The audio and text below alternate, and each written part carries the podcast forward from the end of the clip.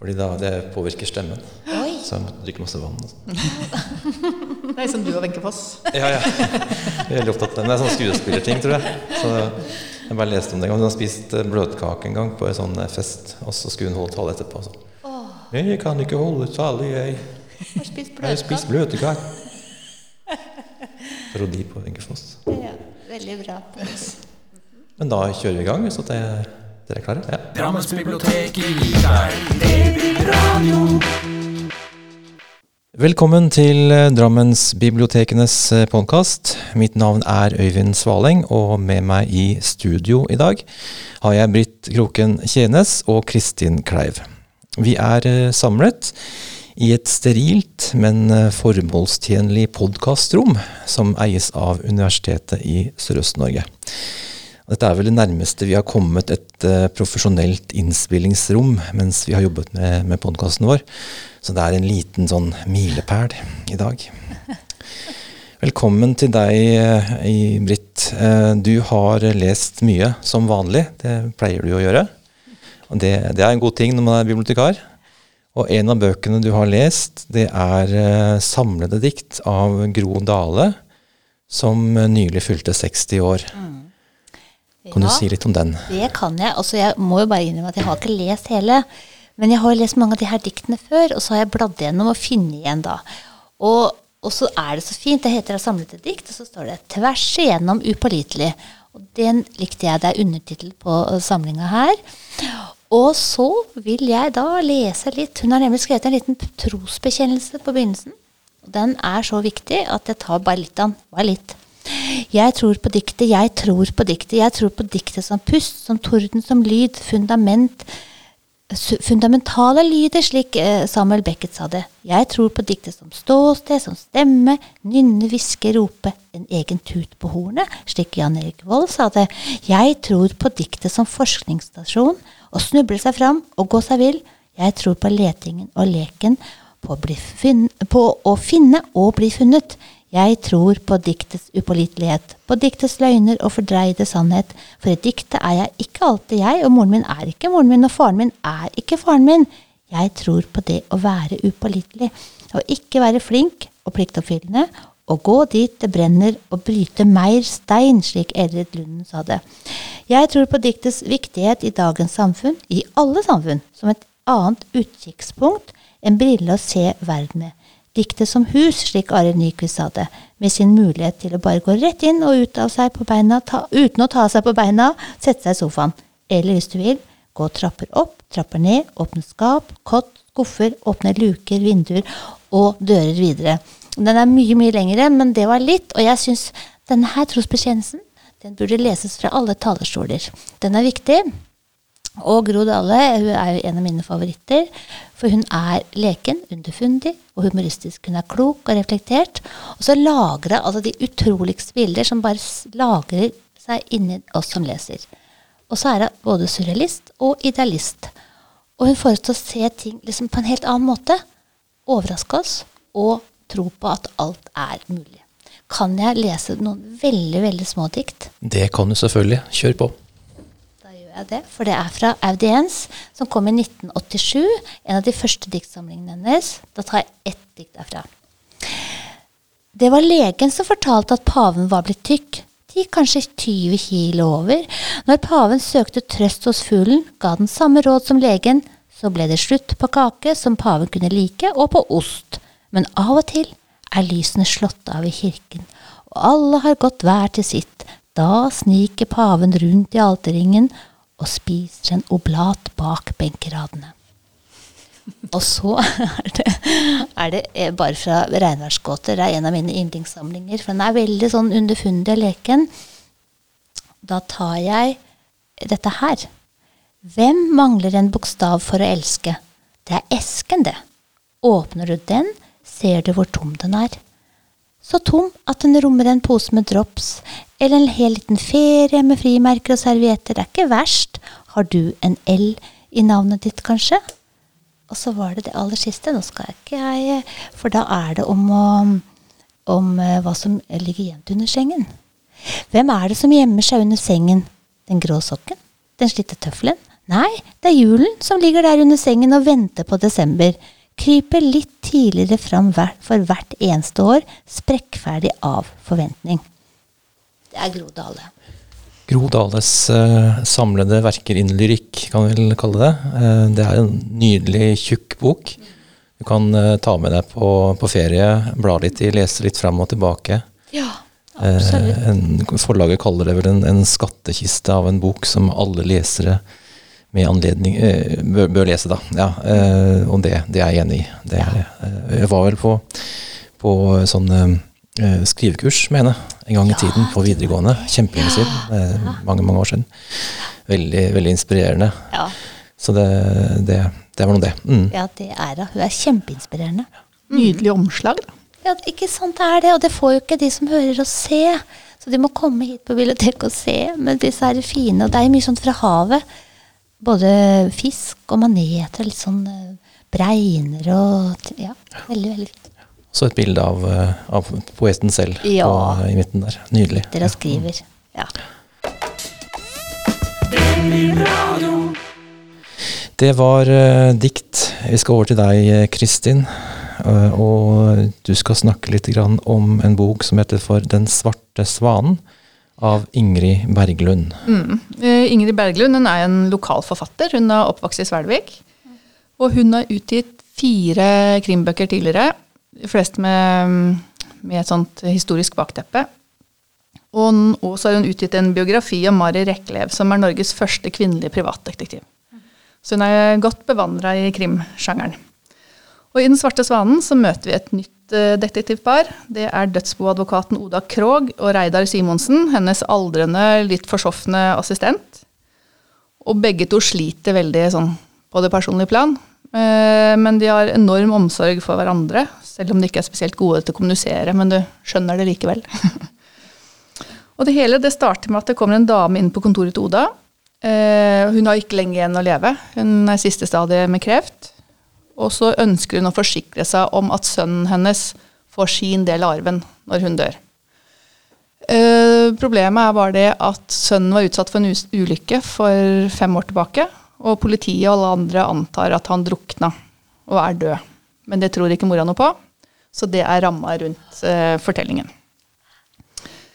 Eh, det eneste mora har å gå etter, som hun kan gi videre til Oda uten en følelse. Så hun skjønner jo at Oda kanskje tror hun bare er gæren eh, av sorg, men eh, hun har fått noen skjell tilsendt i posten, anonymt. Og det er eneste eh, Oda da kan gå etter for å finne han sønnen. Og derfra så ruller det av gårde, og det er godt driv, og det er godt språk. Og vi blir kjent med Oda og Reidar underveis. Det tar ikke så mye plass av handlingen, men det tar liksom nok plass til at man faktisk begynner å bry seg om eh, detektivene.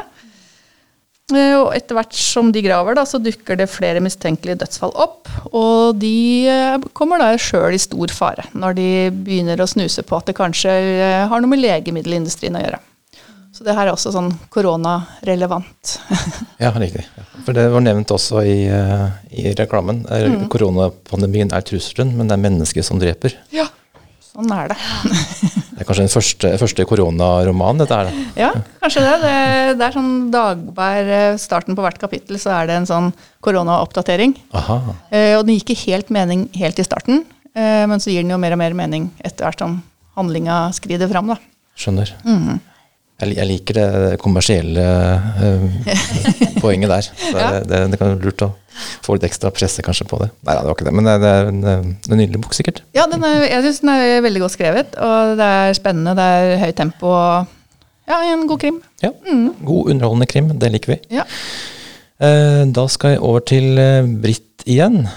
Du skal snakke om Vi skal til krigens dager. Til, og til Østen. Trude Teige, 'Mormor danset i regnet'. ja.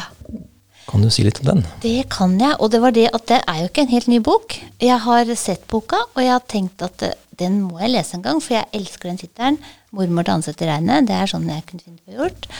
Og det er, eh, sånn, det er så veldig sånn levende bilde, men så er det jo dette her bakteppet. For hun Trude Teige hun skriver historiske romaner. Altså hun skrevet mye krim, men hun skriver også historiske romaner. Og nå har jeg da hørt på to av de på lydbok. Og den ene er denne her. Og det er virkelig sånn som driver i det. Og, og det her er jo historien om tre, eh, tre kvinner. Mor og mor, eh, datter, og så er det barnebarnet da til. ja. Og så, og så er vi i vår tid med barnebarnet June, som forteller sin historie. Og så er vi tilbake i krigsårene da, i Norge, helt på slutten av krigen. Og der blir vi kjent med Tekla, som da blir mormor til June. Og så er det den derre historien som vi har hørt flere ganger. Men den er så eh, Hvor hun er ung jente og treffer da en eh, tysk mann som er stasjonert her i Norge, og, og blir forelska.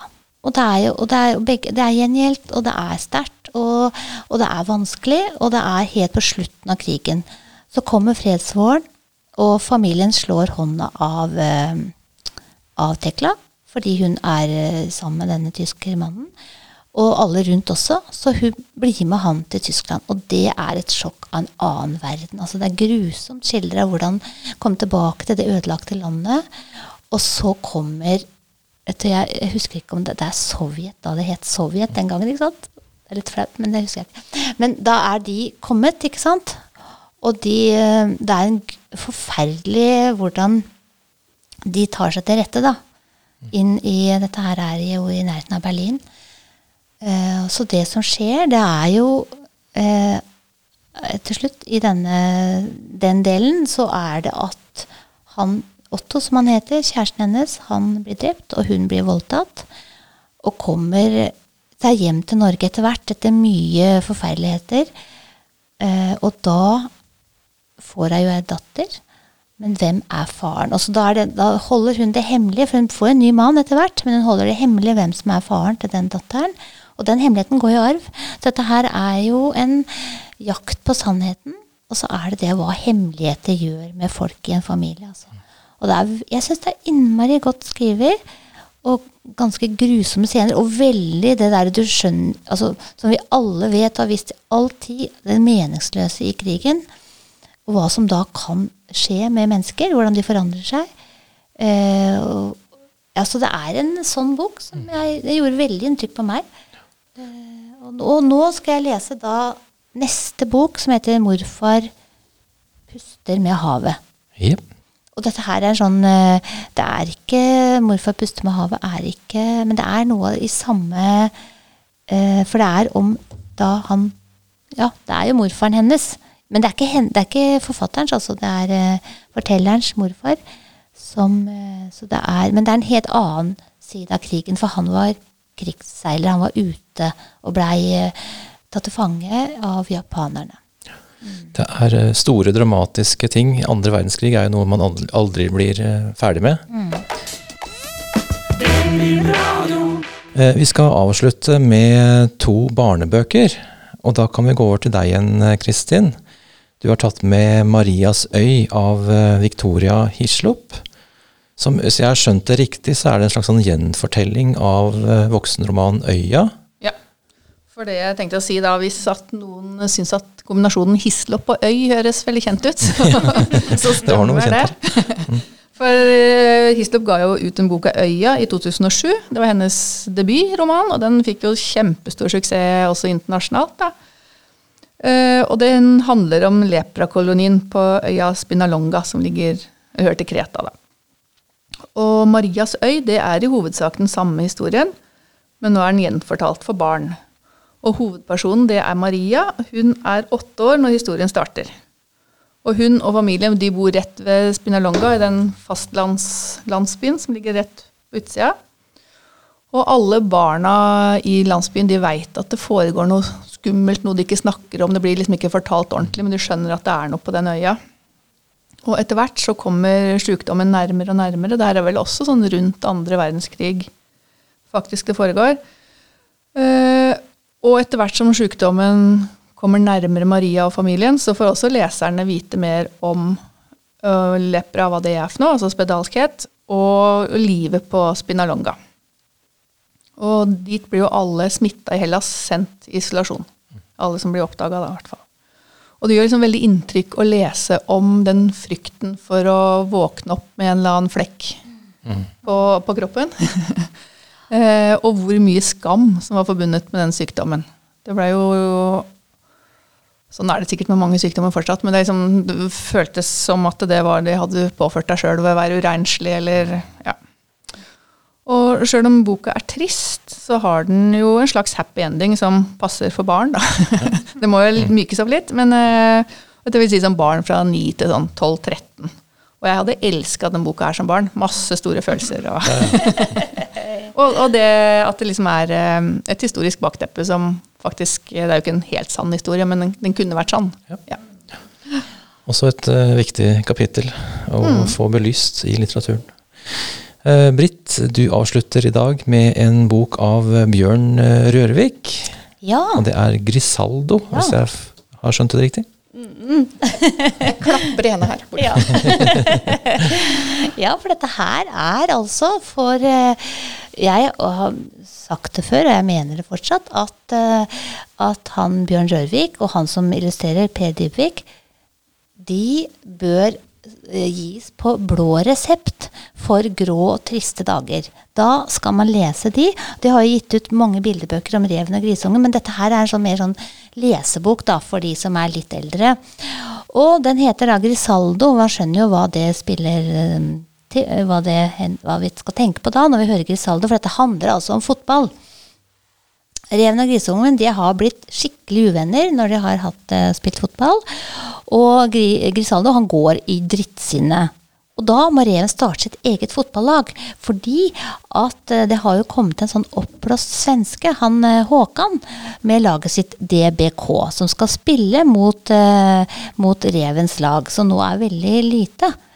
Og, og Reven må da prøve å finne noen spillere til laget sitt som heter Buskas United. Og da eh, soper han sammen noen, og det er Dåsemikkelfrøkna og Dåsemikkelbestemora. Uh, og det går dårlig. Det blir 10-0, og det er mye fordi Dåsemikkelbestemora har feil briller. Hun har jo lesebrillene på seg og ser ikke ballen, og det blir omkamp. Og da er det hvordan de skal klare å få nye spillere. Og det er ikke lett. Kua oppi putetreet vil ikke være med. Hun kan være supporter, og Snegle er litt treig. Og overgangsvinduet er i ferd med å stenge, og det er kjempekritisk. Da får de med papp. Men da må altså reven Han må ut og samle 100 kongler som eh, belønning til papp. Så det er eh, voldsomt mye som skjer ute på den banen. Og ett mål blir faktisk annullert pga. revens unaturlige stilling på halen. Og det er uh, to gærne supportere på sidelinja, og det er altså Dåse-Mikkel-bestemora som truer med rødt kort. Eh, nei, hun får rødt kort! Og da truer hun med å annullere desserten til dommeren, som da er sønnen hennes. Og dette her er vilt, og veldig morsomt, synes jeg. Og jeg em, og så handler det mye om hvordan man kan bli venner igjen, da, som disse to som er blitt så veldig uvenner. Og så ordner det seg til slutt. Og det er Ja, ikke sant? Det er til å le seg i hjel av og bli glad av. Jeg er helt enig i at, uh, at bøkene til Rørvik, og ikke minst de, de illustrasjonene som du nevner av, eh, Per Dybvig, eh, det er naivistiske og ganske sånn groteske Nei, ikke groteske, men, men ganske sånn, sånn naivistiske tegninger. Ja, ja. Som man kan tro at et barn kunne tegne det, men kan egentlig ikke det. Nei, det er nei. sånn veldig, ja, veldig kule tegninger. Er Og jeg har barnebarnet mitt, da, da hun var litt yngre, jeg liker dem ennå, tror jeg, så leste vi alle de der eh, bildebøkene, Reven og grisungene, og vi lo altså så mye sammen. Mm. Så det kan også anbefales. Høytlesning av de her. Så er gøy for oss voksne òg, fordi det er så mye en ordspill og ja, Det er ikke så platt, liksom. Det er mye, mye gøy. Ja, det Det, er det er viktig når man tar med seg barnelitteratur med på ferie, at det er artig for de voksne òg. Ja. Ja. Så, eh, det er det. så sånn eh, Bjørn Ørevik og Erlend Loe og sånn. ja. Ja, ta det med. Ja. Og med det så, så sier vi fortsatt uh, god sommer. Um, takk for at du har lyttet på Drammens Bibliotekenes podkast. Håper du abonnerer på oss på iTunes eller Spotify eller hvor det nå enn er du hører på podkaster. Uh, også en eh, shout-out og takk til eh, EDU Medieproduksjon ved Universitetet i Sørøst-Norge for lån av innspillingslokaler. Programleder har vært eh, jeg, Øyvind Svaleng, og med meg i studio har jeg hatt Britt Kroken Kjenes og Kristin Kleiv. Teknisk ansvarlig er Raymond Smith, ansvarlig redaktør er Jørgen Hovde. Takk for i dag, og på gjenhør.